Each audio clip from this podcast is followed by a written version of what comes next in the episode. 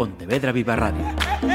Cara a cara. Damas y caballeros, la Asociación de Directores de Informativos de Radio y Televisión da la bienvenida a Luis Oreiro. Saudos, comezamos unha charla co xornalista coruñés Lois Oreiro Serrano. Benvido, o primeiro de todo, Lois. Moitísimas grazas. Este xoves 11 presenta nesta cidade o seu terceiro libro, os mundos de agora. Será na Libraría Paz, ás 8 da tarde, xunto a xornalista pontevedresa Irene Lourido. Lois, os mundos de agora, terceiro libro, despois do primeiro ensaio, Xallas, poesía con uns os outros, boas coas, coas tendencias dos xéneros dos bestsellers, ti, eh? No. La ironía muy, muy, muy acaída, pero es cierto. De feito, eh, nos mundos de agora, neste libro que presento en Pontevedra, digo expresamente, expresamente, que a literatura e o pensamento non pode consistir únicamente en novelas eh, superventas nas linguas do imperio. Non é iso. Os diálogos, a humanidade, os descubrimentos están ás veces nun lateral da feira. Nun lateral da feira, os mundos de agora por forza, e os ensaios, e sacar cuestións a debate das que non se fala, é dicir, por sistema audiencias pequenas, pero é importante, é importante facelo, moi importante. Uh eh, -huh, sen dúbida. En, en os mundos de agora, reflexiona sobre mm, o presente e eh, o futuro dunha sociedade digital, así dun, dun xeito xenérico. Sí. Os mundos de agora eh, divídense en dous, o que vive conectado, o digital, e o que vive desconectado. En realidade non, en realidade xa non é posible vivir desconectado. Ni siquiera unha persoa, se queremos pensar no lugar máis remoto, no medio das montañas, pode vivir desconectado. As vacinas para, para a COVID-19 viñan por SMS. Uh -huh. Sai moitísimas cousas que resulta imposible facer se non accedes telemáticamente a elas. Conectados estamos todos. É unha cuestión de graos. Uh -huh. E sobre todo, que é unhas cuestións que denuncio, eh, o problema é identificar a realidade co digital conectado. É fingir que o único real, o único certo, o único conta é o que está conectado. E os desconectados, por incompetencia mm, técnica ou por vontade, okay. ou por vontade, non contan. Non contan nas enquisas da Unión Europea, da Comisión, non contan nas decisións comerciais, non contan andando tempo nas, nas, nas decisións políticas, e iso non pode ser. Uh -huh. A digitalización é unha maravilla, no meu oficio, no noso oficio, é unha absoluta bendición, non a cambio eu por nada, hai que estar en Manila, hai que estar no Cairo, hai que estar en, en, en Bogotá, nun atasco de tráfico para ir a enviar unhas imaxes, pagar unha fortuna a correr de mala maneira, para despois apreciar o que cun ordenador, cun pincho, cunha wifi, editalas mellor, e eh, baratamente, como decimos en broma, baratamente envialas ben. A digitalización é unha maravilla. Outra cousa é, incluso no meu oficio, que eu acepte unha entrada de vídeo e audio posta no pescozo. Non E o problema é que estamos nun todo pa diante, non hai que digitalizarse, hai que ser líquidos, hai que adaptarse aos tempos, que parece que non hai matiz, é que son os de Silicon Valley os que van decidir que trebello levo posto, ollo, por dentro e por fora da pel. Uh -huh. Enlazando, fiando con, con eso que, que acabas de, de sinalar, eh, teño unha pregunta retórica para o xornalista e o ensaísta. Eh, Cando hai unhas eh, décadas esta profesión se empoderaba con aquilo de que a información é poder, miramos o, o século XXI e quedamos na mínima expresión observar a realidade da, da información e, e poder. Os xigantes tecnolóxicos Os gigantes. son, son o poder. Son o poder neste momento, sobre todo porque a información trivializouse terriblemente nin hai información sequera a mitad das veces, é simplemente tráfico, fluxo. É, hai unha loita, hai unha loita intensa neste momento entre os medios tradicionais, as canles de televisión, as cabeceiras dos xornais importantes, con estes novos marrasos, estes escualos inmensos que queren quedar con todo. E queren quedar con todo tamén porque eh, son listos e saben negociar cos poderes establecidos económicos e políticos que están moi cómodos nese formato para un candidato ao que sexa é ideal dirixirse directamente con un mensaxe emotivo, breve, breve, moi pouco, moi pouco, moi pouco racional, uh -huh. ao seu votante potencial ou ao seu comprador potencial directamente, directamente. Que sucede? Que iso que en apariencia pode ser inocuo ou pode democratizar a información, o que fai é justamente o contrario. Volve a crear burbullas de opinión, crea ignorancia supina, as persoas xa non len asocianse a contidos que o propio algoritmo lles destina sempre no mesmo e grupos de opinión no que ignoran por sistema o alleo. Uh -huh. Pero chegamos hasta aquí nas décadas, e hai que dicilo que nos esquece con moita frecuencia, nas mellores décadas da historia de Occidente, sin guerra, sin fame. Precisamente por qué? Porque persoas como, como, como John Rawls, como, como Isaiah Berlin, pasaban horas discutindo con filósofos posmarxistas, discutindo con atención e respeto, dispostos a aprender, dispostos a cambiar de opinión, dispostos a entender. É en ese diálogo do diferente onde facemos sociedades plurais libres e onde hai progreso. Uh -huh. Nesta burbulla absolutamente ágrafa, porque xa nin escribirse, sabe? Xa se reduce todo a iconas, a muñequiños, porque xa é imposible Eh, eh, distinguir a ironía, por exemplo, nesas mensaxes. Mensaxes mínimas. E ollo, adaptanas incluso os, os poderes públicos, as institucións adaptanse uh -huh. a eso. Agora, sí, sí. non hai un comunicado oficial de nada, non hai unha declaración de nada, hai un Twitter, uh -huh. hai un chío, ou hai un, un, unha mensaxe en Facebook, que por forza é limitada, limitada. E con sorte, cando, cando ves que é iso, hai outros xeitos tamén máis eh, filtrados, máis eh, civilinos. Eh, As dos fake que... news, os ah. bulos que circulan. Sempre circularon os bulos, uh -huh. pero non había inteligencia artificial detrás, que é o terrible, que é o terrible. A inteligencia artificial pode escandalizarnos menos para facer guións para series de Netflix. Pois pues, bueno, tampouco é o ideal, pero bueno, ahora mm. o problema é noticias falsas creadas acorde a un sistema que saben que funciona. Uh -huh. É terrible. E, de feito, mm. as guerras e as, e as, e as disputas e, e as tensións entre as grandes potencias internacionais con Rusia, con China, con, con, con Rusia, con Estados Unidos, ven de aí ven desa, desa nova tecnoloxía, desas, desas, dese uso torticeiro, desas trampas, uh -huh. desa nova guerra. Hai unha guerra pola realidade que seguramente, digo, seguramente xa empezou. Uh -huh. Que é real, que non é real. Xa non é que é verdade, que non é verdade. Porque como hai que ser líquidos, dis que... Ora hai que mm. ser líquidos cando o sólido é o que nos inspiraba confianza e a min personalmente continuou máis inspirando. Pero non, temos que ser líquidos para adaptarnos a unha tecnoloxía que é fantástica, que nos fai evolucionar. Non, oiga, mire, toda a vida, toda a historia da humanidade a tecnoloxía adaptouse a nós, mm -hmm. adaptouse aos humanos, non nos a ela. Uh -huh. A ninguén se lle ocurre que, que, fabru, que fabriquen en Vigo coches que a saquir de pé para conducilos, por exemplo. Por exemplo. Pois, pues, home, tampouco é moito pois, pedir, parece o sensato. Uh -huh. Parece o sensato. O que sucede é que Igual que temos unha tecnoloxía digital, temos un mercado económico, unha, unha economía que ten no dato o principal factor de producción, unha economía da atención, posto que o que explota é a nosa atención, pois nese contexto eh, habería que tomar algunhas reservas, habería que regular algunhas cousas e non deixalos medrar como medrou internet, basicamente os Google. Non había legislación para actividades que simplemente non existían. E se non existían, non podía haber leis que as, que as limitasen. Logo, logo quería entrar eh, por aí tamén. Eh, entre o branco e o negro hai toda unha paleta de cores. Fago esta alusión porque entre quen pense que as novas eh, tecnoloxías son as garantías profesionais do futuro e quen pensa que esas novas tecnoloxías son a guillotina ou o fin de profesións actuais eh, hai un espazo sí, intermedio. Ti como como ves? A ver, non, non son a guillotina, son unha maravilla. Son unha uh -huh. maravilla. As novas tecnoloxías, nos nos oficios sabémoslo ben. A cuestión é, as novas tecnoloxías, eh, isto engancha un pouco co, co transhumanismo Temos novas tecnoloxías incluso para levar postas. Podemos mellorar o noso propio corpo, a nosa capacidade intelectual, crear sentidos aproveitando a plasticidade do noso cerebro. Ti creas un sensor de campos magnéticos, os hai, envías ese sinal ao teu cerebro e o cerebro aprende a interpretalo. Miraba onte o tema dos drones. Uh -huh. Exacto. Sí, sí. Entón, é dicir, eso está ben. E que sucede? Calma, ninguén vai levar unha cámara posta nin, nin un sensor de campos magnéticos. Son uns cuantos eh, transhumanistas declarados, sí, nós non. Agora ben, agora ben, todos nós podemos ir ao médico e que o médico nos diga vou poñer este implante pequeniño de modo que os teus niveles de glucosa, os teus niveles de ácido úrico, os teus niveles de colesterol saltan a un sensor que xa aquí no, no, no sergas, digamos, temos e que xa medí eh, na próxima revisión ou que xa che unha mensaxe de que tomes este medicamento ou outro. Uh -huh. É dicir, pasas a estar monitorizado realmente.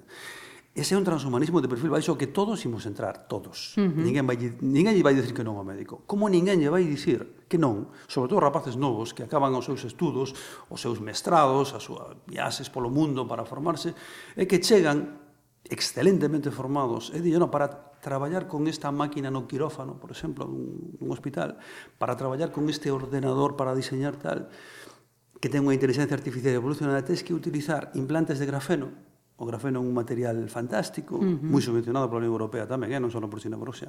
Entón, se queres traballar, se queres operar con isto, tens que ter os implantes de grafeno postos para estar ao nivel da máquina e poder actuar. Será libre, home, ao principio será libre, é libre traballar ou non. Uh -huh. Pero xa sabemos que a saúde é o primeiro e traballar hai que traballar. Entón, por aí ven unha tecnoloxía que non digo que non, o que digo que hai que irlo regulando. Esa non o digo eu, os principais partidarios de inteligencia artificial, de, de, de bioimplantes, eles mesmos comezan a, a reclamar xa, asustados, que se regule que se poña límites. Uh -huh. Ainda estamos coa inteligencia artificial simplemente, que está detrás de casi todo, a, a, a UNESCO, a finais deste ano, pretende facer unha declaración internacional cunhas bases mínimas sobre a igualdade de acceso para todos á inteligencia artificial, e os controis sobre a inteligencia artificial para que os países despois lesislen en consecuencia. É urxente. As propias tecnolóxicas piden tamén pactos sociais porque disto hai que falar. O que digo nos mundos de agora é que isto hai que falalo. Porque temos urxencias diarias, temos crise económica, temos a COVID, temos a independencia de Cataluña, temos, bueno, bueno, que si temos cousas es que falar. Pero nisto vai nos a vida. Vai nos a vida. Uh -huh. A digitalización e a conexión, este ser líquidos, Hai veces, o, o, os mundos de agora é unha provocación. Intento abrir un debate que os académicos non van a abrir por razóns obvias, que as corporacións non van a abrir por razóns obvias, e que as institucións tampouco porque teñen que convivir con eles. Entonces os, eh, os reporteiros de base, sin responsabilidade ninguna, podemos dicir as cousas e provocar que se fale disto, que se fale disto, e que se lle poña, non digo límites, pero digo unhas normas. Para ti e para min, a liberdade de expresión é central, igual que a liberdade de prensa central. Hai tecnoloxía, no, no, do tecnolóxico de Massachusetts, en máis sitios xa, xa desenvolvida que xa se está perfeccionando, ainda non chegou ao mercado, xa se está perfeccionando para manejar o teléfono móvil coa mente, igual uh -huh. que manejar un coche coa mente, para uh -huh. navegar pola web coa mente. Hai tecnoloxía tamén para crear lembranzas falsas, simplemente tecnoloxía de, lu de luces LED, eh? Non lembranzas nada, falsas. Lembranzas falsas, xa está feito. No momento que leves o implante posto ou para traballar ou para manexar o móvil, que pode ser, no momento, en ese momento que xa te están influindo actualmente as redes, inducíndoche pensamentos a nivel prereflexivo, para que vou querer a liberdade de expresión e a liberdade de prensa se si siquiera vou poder estar seguro do que penso eu, do que se me ocurre a min espontaneamente ou que está sendo inducido? Cara, aí imos. E iso debería estar limitado de algún xeito. A Unión Europea fai, non? Hai que reconocer a Bruselas que a Acta de Servizos Digitais e a Acta de Mercados Digitais vai nesta dirección. Hai que in, e incluso comezan a influir no mundo. Nos Estados Unidos, si, si, si faz memoria, non hai moito tempo, chamaron a capítulo a Zuckerberg, a Bezos e a todos Ajá. estes, non, non, porque non é que sexa un monopolio, é brutal, é brutal. Nas súas plataformas son as súas normas. Ningunha empresa pode competir con eles, da igual a que se dedique. Uh -huh. Entón, e a lei deles é unha lei da selva moi moderna, moi digital eh, The Winner Takes All, o que gana queda con todo. En eso están, en eso están. Por iso que hai que falar. Uh -huh. Pero como homens, mulleres e, e sociedade. É sociedade, eh, sí, efectivamente. Sí. Mira, a, a pandemia da Covid eh, axudou a facerse máis poderosas as, as grandes eh, tecnolóxicas, eh, sen duda. A Unión eh, Europea dispuso, se non teño mal o dato, 750.000 millóns de euros para a chamada Next Generation, sí cuyo obxectivo é, din, reparar os perxuizos económicos e sociais da pandemia e para iso promoven unha transformación eh, digital no eido privado, nas, nas empresas e tamén nas administracións públicas.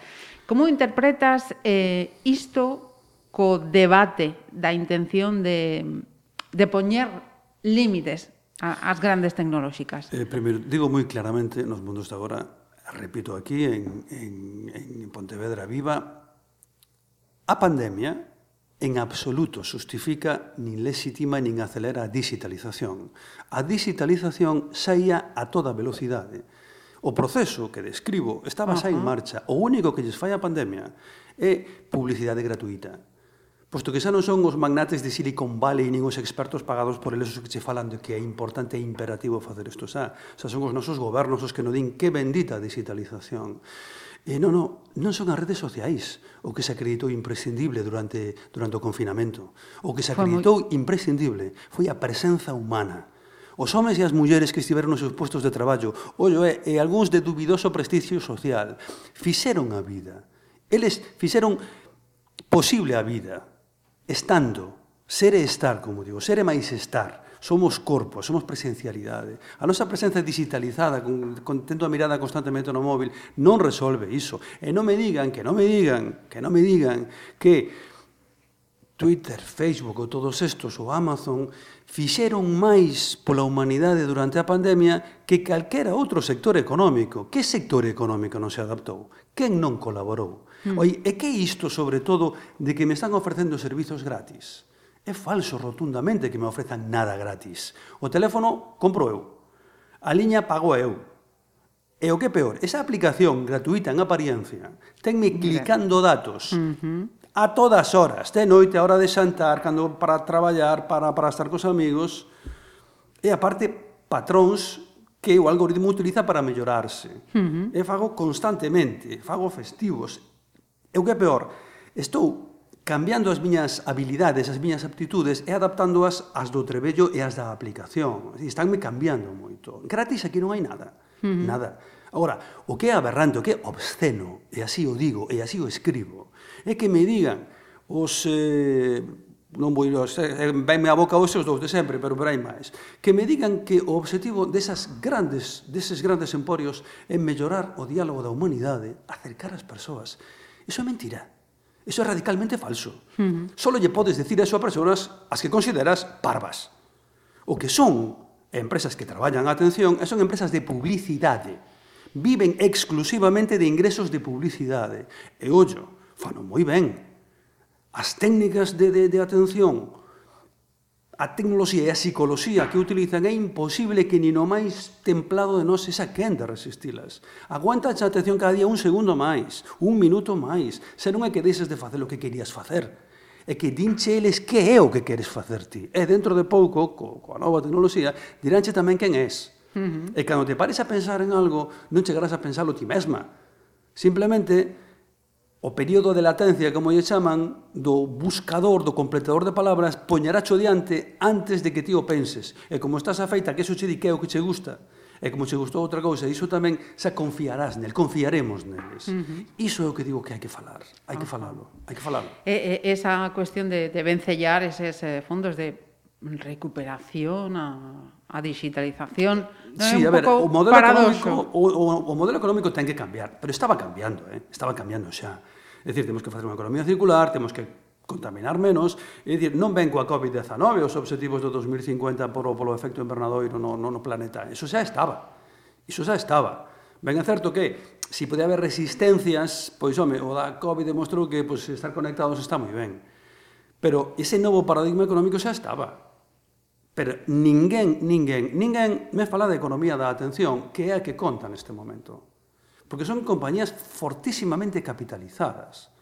E aquí a única posibilidade que parece que existe é que nos Estados Unidos decidan partilas en anacos como fixeron no seu día con, con IBM, como fixeron co, co, coas eléctricas no seu día. Van a facer, non sei.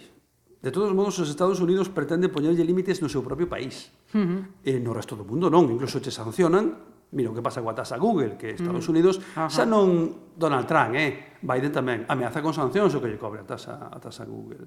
Entón, Estados Unidos, por certo, que ahora vannos eh, maravillando a todos que por fin lle vai meter un 15% de imposto de sociedades ás tecnolóxicas. E todo o mundo aplaude.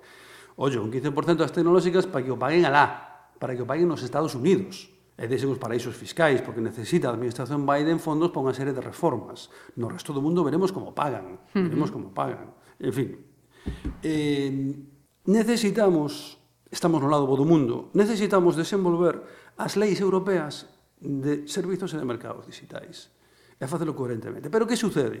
Que a nosa clase política non ten apuro, nunca o tivo, Ollo, eh, e falo da nova política da vella. Falo dos azules, dos vermellos, dos verdes, dos laranxas e dos... non sei se me quedan cores.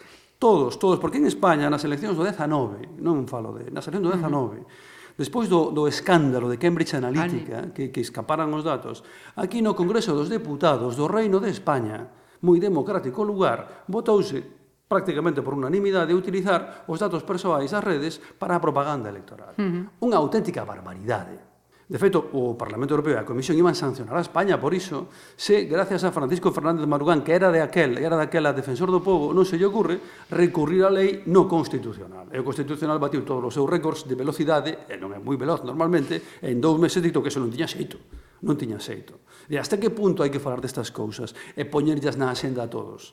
É urxente, é urxente, é urxente. Mm. É urxente eh, sinalabas ser e estar. E por aí vai a seguinte pre pregunta. Preocúpanche os metaversos, e se é alguén despistado que o dubido, non falamos de poesía. Non, non falamos de poesía, oxalá falásemos de poesía. Falamos de algo de algo mm, grotesco. Falamos de algo grotesco. Por qué? E digo claramente, mm, nos mundos de agora, xa falo, de denuncias de exdirectivos de Facebook, tamén de Google, tamén dos outros, que acusan a rede, o buscador, de incentivar os contidos radicais e as burbullas de opinión e os extremismos porque suscitan máis atención e melloran o negocio. Uh -huh. É exactamente, exactamente o mesmo que anos despois acaba de filtrar esta, esta exdirectiva de, de, de, de Facebook, Facebook, exactamente a mesma, a mesma denuncia. E ollo, a denuncia anterior Zuckerberg, igual que os outros, dixeran que iban tomar medidas, que había controis, que había que non sei que... É falso, é totalmente falso. Agora, o que é, e aí vou, grotesco, é que cando se collen coa manciña no, no carro dos helados, eh, que o único que teñas para convencerme de que esta vez de que vai ser fantástico é vou vos poñer a todos unhas gafas 3D que ides quedar encantados. En serio, o futuro é que non poda ver o mundo cos meus propios ollos, relacionarme cos persoas cos meus propios ollos, que viva encerrado nun apartamento, que faga deporte, que practique sexo seguramente tamén, que lea, que pense, que me relacione cos meus, que non viase cunhas gafas 3D, seguramente carísimas por outra parte. En serio, iso é o que me tens que ofrecer cando se ve que están tocando o teito as, as redes precisamente por estos abusos, uh -huh. por estos abusos. A ver, non asaltaron eh, o Parlamento de Mozambique, eh? asaltaron o Parlamento dos Estados Unidos de América, grazas a Facebook e Twitter. Bueno, é o, é o que os poñía. Uh -huh. Por qué? Porque ese tipo de mensaxes que o incitan aumentan muitísimo o tráfico e a atención e aumentan os ingresos. Por que só o digo eu? Non é que eu sexa máis listo, eh? Non é que eu sexa máis listo. Ou non é que eu teña claro que nunca, nunca me van nomear xefe de prensa en España de Facebook nin de Google. Por que non o fai ninguén? Por que? porque todos temos que conseguir fondos nalgúna institución para unha investigación, para, para fins benéficos, para... Eh, non pode haber fins benéficos cos beneficios que se obteñen así e que se pretenden seguir obtendo así. Nin podemos ter unha democracia digna de tal nome na que nunca hai tempo para isto. Que non digo que non sexa importante todo o demais. Nin mm. tampouco nós, os xornalistas, e o primeiro, que estamos todos os días contando, pois hai o que manda a senda. Ben a certo que a senda informativa na marcamos nós. Marcana, marcan os que, os, que, os que mandan, os que poden. Eh, o que pode marcar a senda de feito que ten todo o poder. O que consigue que se fale do que el quere, xa está. Da igual que falen ben ou mal, non, que fales do que el quer que fales. Uh -huh. Pois aquí, estos pobres reporteiros estamos falando do que ninguén quer que falemos eh, da digitalización, pero non de GP, hey, veña pa diante que ven. Non, non, non, de esta digitalización. Oiga, mire, como vai ser? E que controles hai? E se me nego a poñer un implante sanitario, e se me nego a poñer un implante laboral, que xa está. Que isto vai moi rápido, que xa está. -hmm. Pero... Quería facer unha fotografía do Lois eh, Oreiro Digital. Mm. eh, que aparello empregas para despertar? O móvil. Eu ando con dous móviles, eh, que non se ve, pero ando con mm. dous móviles, un da, un da empresa e outro meu. Ben é certo que o meu era, era arqueolóxico. Era un Motorola antiquísimo que de feito, como non lle, non lle menciono no libro, non lle teño a localización activada, berraba comigo e poñeme, debes a conectar a, a localización para saber exactamente o teu movimento e a túa actividade. O imperativo é diáfano, diáfano. Mm -hmm. Que sucede? Que aguantei con el hasta que eh, o Imperio Alphabet, Google e compañía din que as aplicacións non funcionan. Este traballo sí. tuve que comprar outros. Comprar un, un, e depois teño tamén un, un LG de, de, da televisión. Uh -huh. É dicir, non teño redes sociais, non estou en redes, uso WhatsApp, eso sí. Pero por que podo permitirme ser xornalista e non ter Twitter ni Facebook? Porque é imposible non enterarte das cousas. As rachas rebotan. O podes ver, Aí han comunicado do presidente de tal ou do, do, do xefe de cual. Velo, teno todo o mundo. Teno todo o mundo. Teno todo o mundo. Podo me permitir o sexto de non telo seu. Ah, Ora, o que non claro. quero é ter marca persoal en redes. Iso é o que non quero, que moitos compañeiros nosos, a maioría, uns obligados pola empresa, outros non, teñen que posicionarse en redes cos seus contidos e incluso opinando. Uh -huh. Imos cara a un, cara a un xornalismo militante que decide cal é o lado bo do mundo, que colle os testimonios acordes a ese lado do mundo, que decide que é certo acorde a esa visión do mundo, que pode ser certa, non digo que non, pero que non é un xornalismo no que eu me criei, mellor ou peor ou das dúas partes, o de sacar as dúas partes da noticia, cando podas, se podes, moito ou pouco, pero sacalas. Non que aquí só hai unha cousa que se... Ollo, que no New York Times despediu a un señor por publicar un artigo de opinión dun senador dos Estados Unidos en exercicio. Uh -huh. E di, as censuras chegan xa a todos os lados. O cito a George Rogers, Cruton, que é unha cousas que, que me alarma moito por este mundo cara o quimos. Eh? Eh, o, pro, o problema da propaganda nazi na, na Alemania, na Alemania de entreguerras non eran as barbaridades que decían dos, dos xudeus, eran estupideces manifestas Que pasa? Que as revestían de, de informes científicos. O racismo unha época en Europa que se consideraba unha cuestión científica. Que, que era o lamentable diso? Que eu dixese, non. O lamentable era que prohibían que se publicase nada que deixase en ridículo, en evidencia, iso. Ese é o problema. É moito ollo con isto. Para eles o lado bo do mundo era aquel. Cando nos dicimos, pero que lle podo pasar a un povo alemán, un povo de músicos, de filósofos, de, de, de, de, de enxeñeiros, que lles pasou? Pasou isto. E que lle pode pasar a unha sociedade con este tipo de xornalismo, este tipo de tecnoloxías? Que lle pode pasar exactamente? Pois como estamos, cada vez máis aparmados, entre, entre, entre outros, entre outros persuizos. Non se pode vivir sin pensar, nin vivir sen amar. Que é o que nos vai facer humanos, por moito transhumanismo que uh -huh. veña, non hai robots en inteligencia artificial para amar, nin para pensar como pensamos os humanos. Uh -huh. Pode haber inteligencia artificial, conciencia artificial, teño dúbidas, o que nunca vai haber é imaginación artificial, nin tampouco máquinas capaces de amar. Mm. Podes discutir si pensan ou non pensan as máquinas. O debate sobre pode amar unha máquina? Non, pode facer carandollas ridículas programadas, pero non. Mira que xa se pasean eh, perros eh, eh robots. Eh, exactamente, eh. exactamente, por aí vou, xa, pero, en fin, en fin. Se, se, me, se me escapa da, da, da anquisa digital. Primeira pantalla, o móvil para despertar. A segunda? A segunda, o ordenador un uh -huh. ordenador portátil, eu son un reporteiro de televisión, entonces teño un sistema de edición de vídeo que aí vou, os reporteiros distinguimos, podemos falar destas cousas, agora que todo o mundo se pasa a vida retransmitíndose a sí mismo, actos privados, actos familiares, actos íntimos co móvil. Os reporteros distinguimos claramente a diferencia entre vivir e retransmitir, entre a crónica e a vida. Nos non protagonizamos as crónicas que facemos, non protagonizamos nada. Editámoslo, ensinámoslo e contámoslo. Si alguén se dedica a retransmitir a súa vida, está tomando distancia, está renunciando a protagonizala, está renunciando a vivir a súa propia vida. Os reporteiros, os reporteiros de base, non os analistas, os tertulianos, a supervedés de Plató, non, non, o reporteiro. O reporteiro entende iso, e que non podes vivir así. Entendes claramente cando traballas e cando non. Uh -huh. Entón, o móvil e o ordenador están moi ben Eso, para editar audio e vídeo, evitar, e, e, e poñelo. Agora, non lle, unha cousa é unha fotografía de recuerdo, non ten nada que ver, ou un vídeo puntual. Outra cousa é, estamos no restaurante mandando fotos a, a, do, do prato, antes de comelo. Vemos unha noticia, que pois, que non hai información, e sen acabar de ler o titular, xa non digamos o subtítulo, sen acabar de ler o titular xa está retuiteada ou está no WhatsApp ou está no... Eh, non pode ser si retransmites todo, non prestas atención nin a información, nin vives a túa propia vida.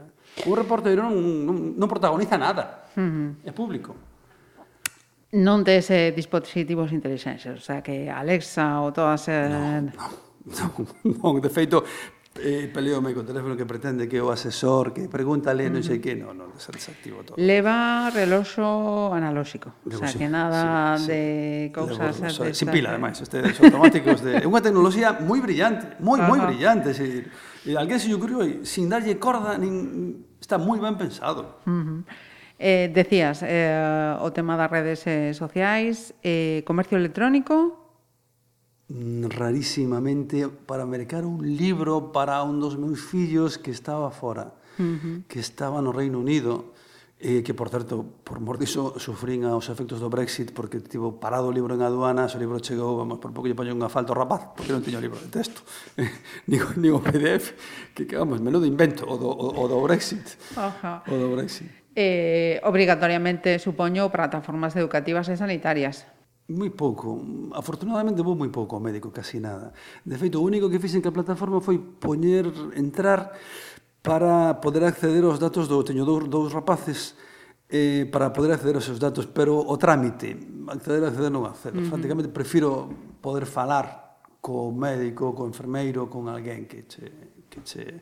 pero non, non é a sanidade neste momento un dos meus problemas. Eh? Eh, plataformas audiovisuais? Non. Non, de feito, na casa Ti lembras cando unha familia vían xuntos o mesmo programa de televisión? Lembro. Eu, eu acordome, en Sallas Teoría de Existencia criticaba iso porque, oye, pois, pues, esa televisión está interrompindo o diálogo da familia. É terrible.